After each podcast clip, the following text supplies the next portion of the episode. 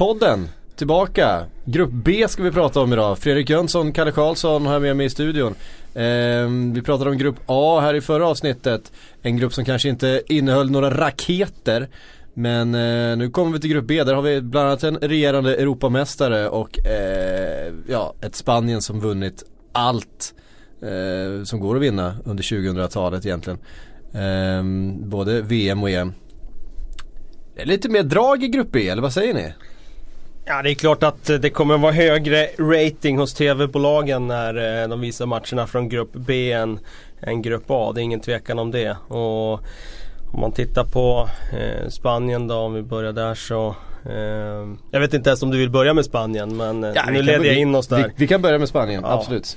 Om vi pratade om så känns de som en av två, tre superfavoriter till, till att ta mästerskapet. Och det eh, är ju ofta en, en generation håller över ett eller möjligen två mästerskap. Men här får vi faktiskt prata om en, en generation som som faktiskt eh, har varit med sedan EM 2008. Det är snart tio år nu eh, som vissa av de här spelarna har varit på toppen och som faktiskt eh, är på den absoluta toppen fortfarande.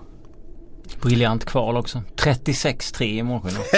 det snackar man inte bort alltså. Sen var det ju en del, eh, jag ska inte säga pisslag, men en del svaga nationer i den gruppen. Men 36-3, det, det, är bra är det. Det är ganska bra ja. Eh, och såklart fullproppas med världsstjärnor på alla positioner. Vi har ju pratat om det här med att eh, hur skulle ett, eh, liksom ett italienskt, eh, nej inte italienskt förlåt, ett, ett tyskt eller ett franskt C-lag klara sig i VM.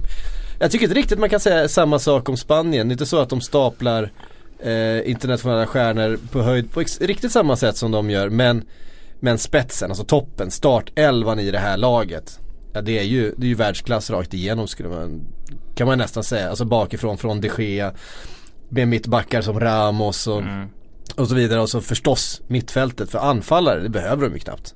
Nej och nu har de ju ändå en naturaliserad anfallare där som, som ändå Eh, liksom är en anfallare i traditionell mening. Det hade de ju inte under EM eller VM 2010. Då laborerade de med att spela med falsk nia och så vidare. Då, då kunde man ju ändå se ett Spanien som ändå saknade en dimension i sitt spel. Men jag satt ju och kollade på den här, eh, jag tog ju upp det i Premier League-podden här för någon månad sedan och den här träningslandskampen mellan Spanien och Tyskland och det det var bland eh, eh, högsta kvalitet jag sett på fotboll. Den matchen som sådan och Spanien imponerar ju enormt i första halvlek hur de höll bollen. Det vet vi att de kan göra men att de kan göra det mot ett lag som Tyskland på det sättet.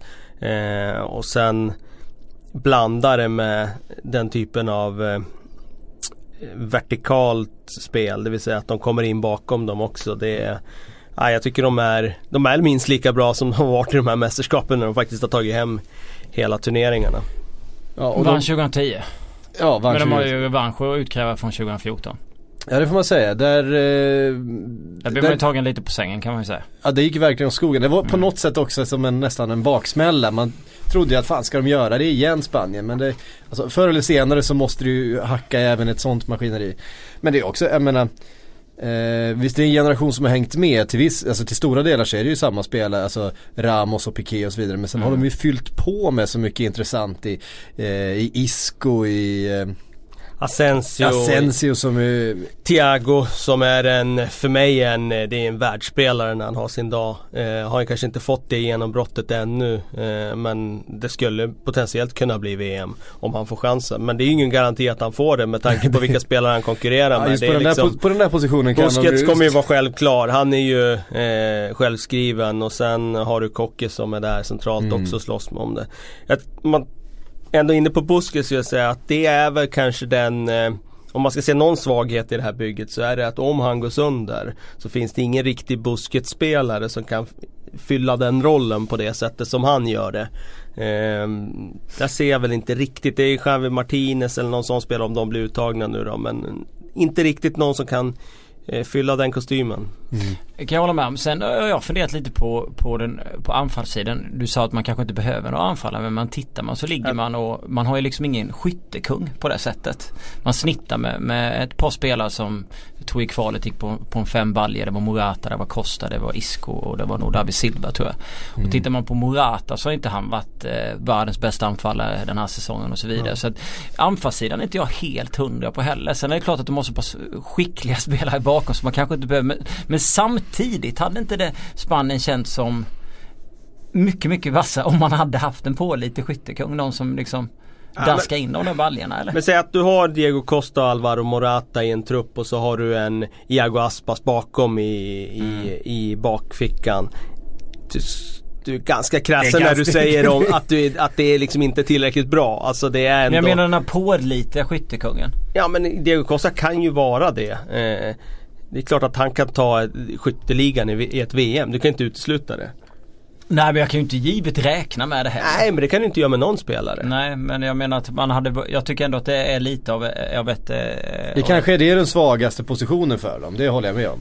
Ja, alltså jag, jag förstår ju Busquets grej, jag håller med Kalle där. Men om man, om man tänker just anfallssidan om man, eh, om man räknar med att man alltid har den där spelaren som smäller in de där jävla bollarna. Det är ju ändå, det är ändå skönt att ha den anfallaren. Och man har rätt mycket revansch att kräva för både VM eh, 2014 och VM 2016. Man åker mot Italien där i första, det är precis efter gruppen va? Så åker man ut där liksom. Men det här är ju lite faktiskt symptomatiskt. Det är ganska många lag som brottas med det. Att de har eh, starka trupper men att det är ett litet frågetecken eh, längst upp. Vi har ju samma sak i Tyskland där det är liksom oklart vem som ska spela. Eh, Timo Werner är väl det, den som ligger närmast. Vi har i Frankrike en eh, liknande situation. Är det, är det Giroud som ska spela eller ska man spela med mer liksom, rörliga spelare, mer, eh, mer bara offensiva spelare snarare? Och till viss del i Portugal också. För vem ska spela bredvid Ronaldo mm. där? Precis. Men sen ska jag, jag tycker man ska givetvis betona en grej här. Anledningen till att vi, vi sitter och pratar. När vi, vi måste ju leta svagheter. Ja. Det är ju inte så att det är ett svagt anfall. det är inte det som jag säger. Nej, jag förstår du menar. Och det är inte svaga ersättare heller. Men om man, om man, om man tittar, tar bort busket och tar in någon annan så blir de ju försvagade. Och att jag inte riktigt hittar den här anfallaren som givet alltid gör de där målen. Men det är för att vi ska leta svagheter. För att ja, laget i ja, sig är ju så ja. förbannat bra. Liksom. Nej men man, man undrar ju så här liksom David Silva är ju självklar. Mm. Eh, och du har en Isco som man tycker är självklar. Mm. Som då, inte är självklar. Som inte, som, som, som inte, han är inte självklar i Real Madrid heller som man tycker att han ska vara det där med. Men jag menar det, jag kanske överdrev när jag sa att man inte kan ställa upp ett eh, C-lag som kan gå långt i, i, eh, i ett I VM. Ja. Men när det gäller mittfältspelare så är det klart att de har de har hur mycket som helst att ta av. Men så skickliga spelare är det oftast lätt att, att komma in i ett landslag också och anpassa sig och få det att flyta på. Det är rätt svårt att, att misslyckas. Och man kan också ta det som ett styrke, en styrkesak. Att man har ett par spelare som gör 5-6 mål istället för att ha en Lewandowski som gör 12 och sen ingen under. Ja. Så att så på så sätt skulle de säkert kunna ha ett par lag för att alla kan melodin, alla vet hur man ska bete ja, sig och så spelar vidare. Man, spelar man Asensio så dundrar han in från, från 30 meter. Det är, Sjukt spännande spelare. Det är det han gör. Mm. Han gör ju bara drömmål. Ja. Eh, men eh, nu vänder jag mig till dig då Kalle som är, är liksom eh, tränaren och taktiken här. Hur hade du ställt upp det här mitt, eller hur hade du ställt upp laget? Vilken formation? 4-2-3-1. Eh, det sker i mål. Carvajal, Ramos, Piqué, Jordi Alba. Um, jag hade spelat Busquets och Thiago. Men det kan bli Busquets Kocke. Mm. Uh, men jag är ju förtjust i Thiago så han får spela hos mig. och sen hade jag haft Iniesta till vänster. Jag hade haft um, uh, Isco centralt. David Silva till höger och Diego Costa längst fram. det, är ju ett, det är ett vidrigt lag alltså. Det är ju ett vidrigt lag. Slår Sverige på alla positioner. ja det gör de ju. Ja, ja det, det, det är ju inte ens nära. Ja, det är liksom... vi ska ändå spela ett VM också samtidigt som det, det är sjukt att, ja. Ja, eh, ja men verkligen och just det där Diego Costa tillför ju någonting till det här laget också som, som mm. inte finns någon, alltså, den här elaka sidan. Det är ju ganska snälla po pojkar, jag kanske med undantag för backlinjen då, en, en eh, Ramos och sådär va. Men, men annars är det ett ganska snällt lag. Mm. Men får man in en Diego Costa så väger han ju upp på den biten för att han är ju där och, och drar på sig den uppmärksamheten och ser till att eh, behövs det så kan han eh, också kliva dit i anfallsspelet. Men det, det, kan ju vara lite delat landslag. Det var ju där, de här situationerna Piqué med, vid träningar och annat mm. han fick utstå en och annan sak. Men det känns ju inte som att det påverkar det här spanska landslaget. Nej, det, alltså de kat katalanska oroligheterna är ju klart att det har ju påverkat Ja. under uppladdningen här. Men, men det är ju bara att titta på, vad var det du sa, 30, 36-3 tror jag det var. 36-3 så att inte det har inte, det har, ju- det har inte varit helt avgörande om man säger så. Tidigare har de ju varit väldigt, väldigt duktiga på att lägga det där åt sidan Mm. när de kommer till landslaget. Jag menar Xavi och Casillas, det är ju dokumenterat att de var ju väldigt bra kompisar. Mm. Och eh, när El Clasico härjade som värst och de hade liksom de här reda slagen Mm. i, i de mötena. Då kändes det ändå som att när de väl kom till landslaget så snackade de sinsemellan spelarna att nu lägger vi det här åt sidan och gör det bra. Och det tror jag, den kulturen tror jag finns fortfarande. Absolut. Eh, och Piqué har ju varit utbuad av den spanska publiken men var det inte så att det la sig lite grann här i våras så att han faktiskt eh, eh, att, han, Jo. att han inte är det längre. Så att ehm, Han fick en hel del stöd och sen har jag också för mig att det blev lugnare, betydligt lugnare än vad det var innan. För ett tag var det väldigt hetsigt kring det. Så att eh, jag tror att eh, de kan enas igen och eh, Enas de i det där omklädningsrummet då är det nog inget annat landslag som har bättre lag på pappret. Nej, nej, det känns så. Det är ju som sagt det är ju, det är ju världsklass på alla positioner. Och det, de stä- ställer ju upp en bänk full med världsklass också. Eh, för några av alla de här spelarna som vi pratat om. Eh, någon måste ju väljas bort. Jag menar vi har en, Marcus Alonso i, i Chelsea som var med i, i Premier Leagues Player of the, eller Team of the Year. Eh, han är ju inte nära startelvan här liksom. Eh, så det är klart att det finns mer att ta av om man säger så. Han fick ju applåder när de mötte eh, Argentina. När han gick av av Madrid-publiken. Ja men det är det jag tänker på. Ja. Ja. Mm. Mm. Mm. Exakt. Då spelade de 4-3-3. Och då var han med där, gick han ut med 20 kvar och fick, eh, ja, ja men det stämmer. Precis. Eh, Aspelikueta, är det någon du skulle kunna stoppa in i Nej, backlinjen inte i den konkurrensen som finns. Och sen tycker jag väl att Spanien spelar på ett annat sätt än Chelsea. Och jag tycker att Carvajal och Alba är väldigt bra sett till hur Spanien spelar. Så i min bok är Aspi eh, utanför elvan. Mm. Vi eh, lämnar Spanien då men rör oss inte speciellt långt. Vi tar oss till Portugal. Någon slags eh, ärkefiende, som man kallar det? Eller är det ändå Italien? Eller, Span eller Frankrike? Ja, hur säger man? I- i- Spanien och Portugal? Och, Portugal. Ja, i, det är nog är det- Iberianska derbyt. Ja, Iberiska halvöns eh, prestigekamp är väl större än vad de har med Frankrike och Italien. Det, tror, det, Ja. det håller jag nog. Det måste det väl vara ändå. Eh, Portugal som är den regerande Europamästaren. Lite eh, skrällartat får man den säga. Det är synd att säga. Man kan inte kalla dem till skräll när man har en Ronaldo i laget. Men han gick ju liksom- av och coachade. Visserligen, klev av i finalen men var ju oerhört viktig för dem fram dit. Man Ja. Han var ju liksom, eh, han är ju hela det där lagets, eh, man vill inte säga själ och hjärta men han är ju, han är ju så bra och så viktig och så oerhört effektiv i, eh, i sin fotboll att det- Det är klart det var en del som- andra stjärnor som du är ute och tassar på men det är ju aldrig någon som någon, alltså under hans livstid har gått upp och nosat så bra som han är även om, även om jag tycker. Men det, det är det är också, om man tittar på deras grupp är det ju samma sak. De hade Schweiz mot sig. Spanien hade Italien och sen var det ett par andra veka grupper. 32-4 i målskillnad på 27 poäng, 9 vinster. ja. En förlust. Eh, Avgjorde i sista matchen med att vinna 2-0 hemma. Gjorde att man vann gruppen och det gick direkt. Eh, ja det är imponerande. ja.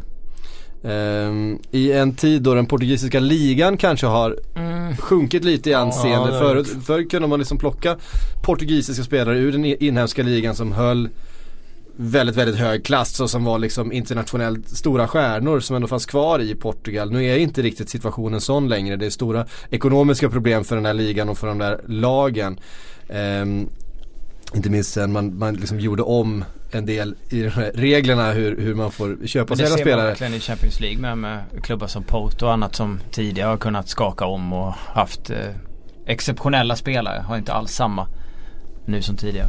Precis, men ändå så, så är det klart att man kan ställa upp ett ganska bra lag med Portugal eh, 2018. Ja, jag roade mig med att ta ut en startelva här då, utifrån, alltså de har ju också ganska många alternativ på många positioner sådär. Men den startelvan då skulle vara Rui Patricio i mål då, som tidigare.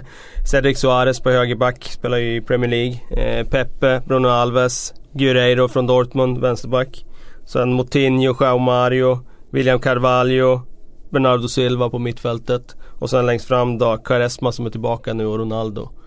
Och det är ju eh, ja, det är idel stora namn. Ja så är det och, ehm, Och då har du Adrian Silva, Manuel Fernandes och, och, och andra spelare som eh, såklart nosar på en startplats. Quaresma är ju lite ojämn skulle jag vilja häv- hävda.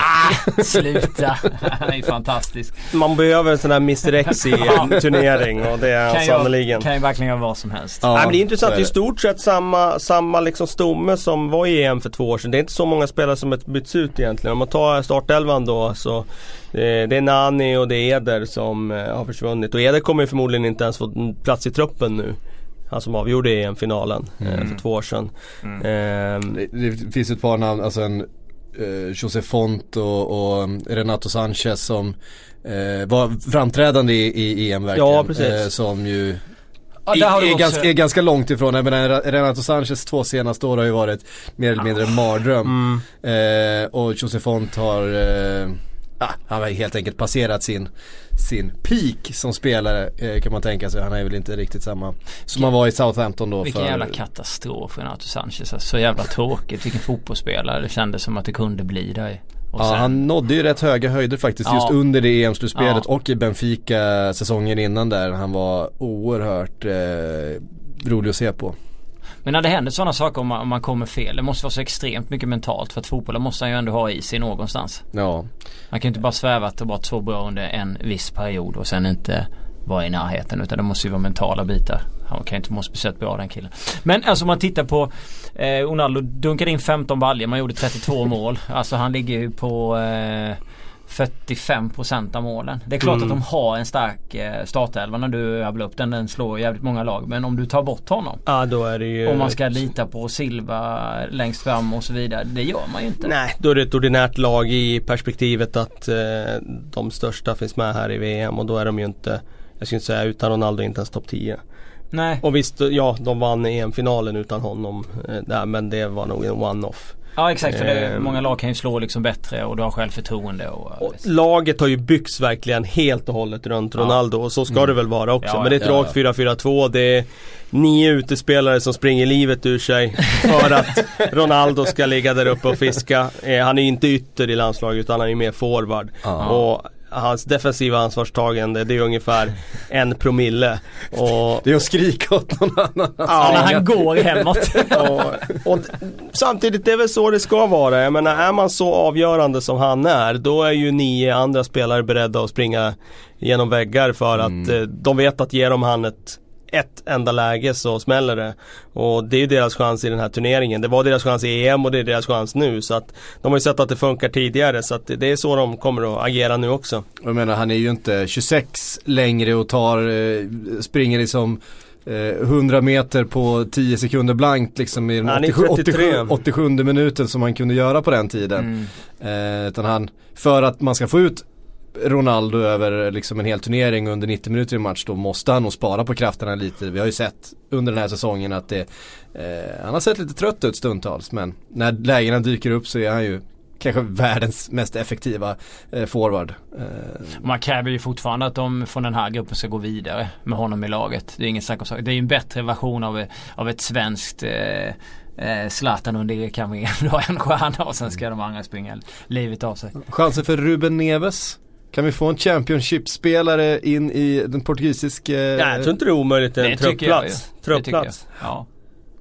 Det är, inte, det är ju en väldigt intressant spelare. Ja, Han är ung och, och eh, hade ju en jättefin eh, säsong i Portugal före han eh, lämnade för Wolverhampton. Så Ja. att de kan ju honom där, de vet ju vad han, vad han kan och så vidare. Men något som är lite intressant, ja det är inte omöjligt.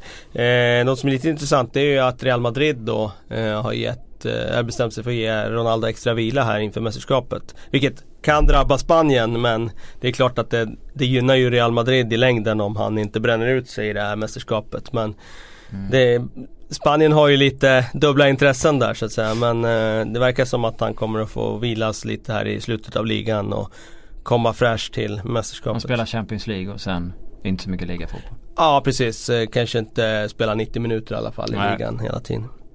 Nej, de har ju inte jättemycket att spela för i ligan. Så Nej. att säga. Men om, om, nu har vi gått igenom de stora kanonerna här ja. i den här gruppen. Eh, men, eh, men om man tittar bakom eh, Adrian Silva och de här. Hur mycket, kan man, hur mycket kan man kräva på den typen av spelare som ändå har gått för rätt mycket pengar och skrivs upp och så vidare? Jag tycker man kan kräva mycket. Samtidigt så han får ju inte den viktiga rollen i Portugal Nej. som hans prislapp antyder att han borde ha. Nej. Så att eh, Det är svårt att säga hur mycket utrymme de får under Ronaldos skugga i, i ett landslag där. Vi lämnar eh, den Iberiska halvön där då. Jag ska säga att VM-podden, den görs i samarbete med Hyundai. Eh, och nu har eh, du chansen, tillsammans med då VM-podden eh, och Hyundai, chansen att vinna två biljetter till matchen eh, mellan Sverige och Sydkorea. Det är rätt coolt. Mäktigt. Eh, de är rätt eftertraktade på Novgorod-stadion den 18 juni. Hyundai har då tillsammans med Sportbladet skapat ett VM-quiz för att sätta dina fotbollskunskaper på prov. Det är liksom VM-frågor förstås. Eh, och för att vara med och tävla om biljetterna så surfar du in på Sportbladet och gör VM-quizet. Sen delar du ditt resultat på Facebook så är du automatiskt med i utlottningen. Så är det. Lycka till hörni. Eh, det skulle vara kul att se lite bilder sen eh, från, från läktaren där om man har vunnit eh, biljetter via det här quizet och eh, via om man har lyssnat på det på podden. Det skulle, skulle jag ty tycka var lite kul. Ja, eh, ingen av oss ska ju dit. Nej precis, vi ska ju bevaka hemifrån. Um, jag hade inte haft något emot att det. Nej inte jag heller. Det är fina biljetter. De ska ni absolut försöka vinna. Eh, ska vi gå vidare till Marocko? Om vi rör oss då så, lång, så, så, så, lite långt ifrån den Iberiska halvön vi kan komma i stort sett så hamnar vi i Marocko. Det är eh, hur långt är det där i, i, i sundet? Gibraltar? Det är inte många kilometer. Eh, Nej. Vad har vi att säga om det marockanska laget? Eh, Nordafrika, är det Nordafrikas tur? Vi ah. pratade om Egypten i förra, eh, förra podden här. Det jag skulle säga att de har ett väldigt, väldigt spännande lag. Jag noterade med nyfikenhet att Simon Bank lanserade Marocko här i någon enkät här som det laget han var mest eh, intresserad av att, se mm. i, i mästerskapet. Och det är klart att det eh, finns en hel del spelare som har mycket potential som skulle kunna charma världen och få ett genombrott i, i, eh, i den här turneringen. Jag tänker på en Harit från Schalke, jag tänker på en Bofal SA-15. Eh, jag tänker på Benatia som kan få liksom ett, inget genombrott så att han är ny men eh, alltså göra ett mästerskap på samma sätt som Som kanske Ashley Williams gjorde i, i EM senast. Mm. Och vi kan säga det att om ni inte har lyssnat på Simon Bank och eh, Johanna Frändéns eh, del utav den här VM-podden. De kom ut med ett antal avsnitt här, det första kom eh, häromdagen. Och eh, där får man liksom en stilstudie kan man säga, på, inte minst på eh, Marockos eh, förträffliga förbundskapten eh, Hervé Renault som han heter. Nu tror jag uttalar rätt. Hervé Renard. Renard ska man nog säga. Om man, om man tittar på gruppen. Jag drar upp alla grupper. Sex matcher, tre vinster, tre oavgjorda. 11-0 i målskillnad, 12 poäng. Vann fyra före Elfenbenskusten. Mm. Eh, Boutaib eh, gjorde fyra målen men de Alltså Hakim Ziyech heter han det? Mm. Ja. Han är jag jävligt nyfiken på i, på en VM-nivå. Ja. Med den vänsterfoten som han har och det rörelsemönstret som han har. Och, och komma upp här och, och, spela på den här nivån mot den typen av motstånd som han kommer göra Portugal och Spanien. Väldigt fin spelare. Uh, känns väldigt spännande. Mm. Det är mycket teknik i det här laget. Det känns mm. som att det, det, det liksom un, kommer bli underhållande att titta på. Mm. Uh, sen så får vi väl se då. Det är ju en oerhört tuff grupp. Ja. Uh, en, av de, en av de tuffare grupperna. för vi har ju två stycken sådana outstanding Eh, favoriter till eh, de två eh, platserna att gå vidare. Men, Samtidigt vill jag skjuta in att det är nästan bättre att det är fyra bra svåra motståndare än mm. att det är tre. För att är det fyra då kan ju alla potentiellt ta poäng av mm, alla lag. Alla. Eh, till skillnad från om det är tre och så förlorar man den där nyckelmatchen. Då är det nästan kört för att alla vet man att alla kommer slå det där strykgänget. Men jag ser inte riktigt att det finns i den här gruppen faktiskt. Nej. Eh, kan ju säga det om eh, Renard där att eh, många känner säkert igen namnet. Men det var alltså han som eh, tog både Zambia och Elfenbenskusten till Afrikanska mästerskapen. Precis. Eh, och titeln där alltså. Det är ju ett jättenamn i, på den afrikanska kontinenten är Ja. ju liksom deras eh, liksom största tränarnamn Ja. som Marocko då värvade och han har ju varit framgångsrik då i kvalet och så vidare. Verkligen, inte lika lyckosam som klubbtränare. Han fick ju gå i Lille där efter bara en höst där. Eh, Men eh, Misslyckad. som landslagstränare har han ju varit oerhört framgångsrik. Ja och kan, funkar uppenbarligen väldigt bra med afrikanska lag. Eh, också väldigt, väldigt snygg. Ja, Han som- funkar bra framför kameran också enligt psyk. Ja, för er som har lyssnat på Simon och Johanna så förstår ni vad jag menar. De, de lägger ut texten om eh, det, den hårfagre eh, fransmannen med sitt eh, Côte d'Azur leende och eh, jämna solbränna. Eh, vi går vidare då från Marocko till Iran. Ett eh, såklart väldigt spännande lag med eh, en del profiler, eller vad Samma säger vi? Ghoddos. Ja, Och eh, Irans egna Messi som han kallades. Eh, Ashmoun. När han eh, kom fram. Men man har väl skrivit mycket om Det är många, det eh, många marockaner. Det fanns säkert en marockansk eh, Messi. Det var säkert Siache eller Labiad kanske i Utrecht och något sånt där. Men, eh, nej men Iran, när de, jag kommer ihåg dem när de lottades in i den här gruppen. Så fick de ju, laget och spelarna fick ju rätt mycket på eh, i sociala medier vet jag att det var liksom kört för att man mötte Man mötte Spanien och Portugal och Marocko. Att det var liksom och, och då vet jag att han Ashmoun var, var ute och eh, var nästan irriterad över att laget fick ta så mycket skit för att de blev så extremt nederlagstippade. De gjorde ändå ett kv- bra kval. Mm. Eh, och sådär. Men man kan ju ändå köpa det samtidigt. Men de slår ju verkligen i ett underläge här. Utan tvekan. Samtidigt som det ska bli jävligt roligt också att se en sån som Ghoddos i, i ett VM-slutspel mot den här typen av motstånd. Jag har han det- chanser att spela då? Ah, men inhopp tror jag. Inhopp tror jag. Mm. Det är väl i första hand det. Men eh, vi får se. Jag tycker det är spännande med Iran faktiskt. Alltså de var ju med i VM eh, senast. Och Många minns säkert den där matchen mot Argentina och Mm. Messis mål i slutminuten där när han curlar in den i bortre krysset. Men eh, minns man matchen hur den såg ut så var det faktiskt Iran som knappt satte en fot fel. Ja, Och det briljant. rimmar väldigt väl också med vilken förbundskapten de har. Carlos Queiroz har ju alltid varit extremt bra på att styra upp försvarsspel. Han hade ju den uppgiften när han var assisterande tränare till Sir Alex Ferguson i Manchester United också. Att han var ansvarig för försvarsspel. Och den försvarsmuren han har byggt i Iran. Det är ju en av de bättre i, ska jag säga, i världs landslagsfotbollen. Om man tittar för vad har han för material och vad har han åstadkommit. De släppte alltså in mål först i den tionde matchen i kvalet. Eh, Då har de hållit nollan i nio.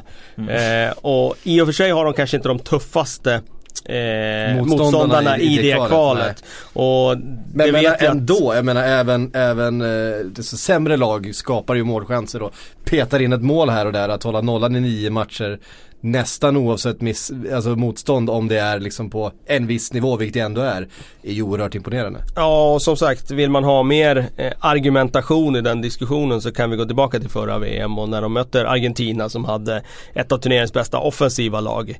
Och eh, faktum är ju att eh, Argentina har väldigt, väldigt svårt att ta sig igenom den där försvarsmuren. Det är nio man som står utanför eget straffområde, inte bjuder på någon yta alls, inte sätter egentligen en enda fot fel, väldigt lojala, jobbar väldigt hårt och väldigt smarta också i sitt sätt att täcka ytor. Och eh, jag tror att Iran alltså eh, Folk förstår nog inte hur svår, svåra de är att bryta ner. Så att eh, det här blir en tuff motståndare för alla lag i den här gruppen. Och det är möjligt att de slutar på noll poäng men det är inget lag som kommer åka på någon 4-0 i baken. Ja, inte ens av Spanien tror jag. Nej. De släpper in två mål och det var mot Syrien i sista kvalmatcherna. Sex vinster, fyra kryss, 10-2, 22 poäng. Man möter alltså eh, Sydkorea, Syrien, Uzbekistan, Kina och, Qatar. Men det är ändå så här. Menar Sydkorea är ju ett, ett bra lag. Ja exakt, men man ska komma ihåg också att man sätter ju, man sätter ju grunder, precis som Kalle är inne på, som även kommer funka mot de här andra lagen om man är tillräckligt duktig Mm. på det. Så det är inget snack om saken att det kommer bli eh, Det kommer bli roligt att se dem igen. Se, för att man kommer ihåg att det var ju faktiskt ett av, även om det handlar om försvarsspel, man oftast brukar gilla anfallsspel, så var det ändå en av de sakerna som man tog med sig från, eh, från VM för fyra år sedan. Att man gillade den typen av av fotboll och inställning som de hade. De gav ju sig liksom inte Då var de ju extremt nederlagstippade inför förra Ja, VMet. jo. Och nu tror jag nog ändå världen har fått upp ögonen för att det här är en underdog som ändå har eh, en liten spetsegenskap som kan ändå göra att de skräller. Mm. Eh, så att se. Det, det kommer inte vara något offensivt lag nu heller utan det här är ett rent försvarsinriktat lag. Och jag gillar det. Eh, de kommer hit med, med oddsen emot sig i den här gruppen men eh, eh det, det kan bli en, eh, en obehaglig överraskning. Mm. Och så har de en sån, en sån som Dejaga fortfarande ja, i, i, truppen. Jag var ju inte super eh, eh, lyrisk över Diaga när han var i Fulham där. Jag tyckte inte han var någon vidare värst eh, bra spelare då. Men eh, bättre i landslaget och som sagt eh, han har väldigt mycket erfarenhet från många års spel i Europa och toppligor och så vidare. Så att eh, det, han är i Nottingham idag men han är ju såklart jätteviktig för landslaget. Ja men han är lite, lite karaktär också på något sätt. Det blir en spelare i alla fall att känna ja, igen. Ja han är väl bättre än vad han är i klubblaget. Som många andra spelare känns det som. Ja. Eh, det är väl lite typiskt ett sånt kollektiv också där eh, spelare kan men det blir ju lite hitta, sin, hitta sin plats. Det är klart att de två första lagen vi pratar om, de har ju spelare som spelar i de stora klubbarna. Sen så kommer du in på Marocko, det är lite lirare i Utrecht och Ajax och, mm. och så här. Och här har vi Ghoddos i Östersund eller vad heter han? Gouche Najad som spelar i Heerenveen och så mm, har du han i... Så att, liksom, något ja, så, ja. så spelarna är ju lite utspridda på, på andra positioner. Och det är klart att om, om man är bred och tittar på fotbollen på det, på det breda perspektivet och inte bara följer en liga så är det klart som fan att det är spännande att se den här typen av spelare mäta sig mot, mot andra. Jag skulle tycka det var svinroligt att se Ghoddos mot, mot ja, Piqué, Ramos och... Mm. Men tecken också på att Iran har gått framåt det är mm. ju att förra VMet hade de nio spelare tror jag som spelar i Europa och idag är det större andel mm. än så som är ute i Europa och spelar och det, det är klart att eh, det finns även, det är inte bara de här äldre som eh, Dejaga utan de har ju yngre spelare. Han som du nämner nu har ju ändå gjort 19 mål i Heerenveen ja. förra säsongen.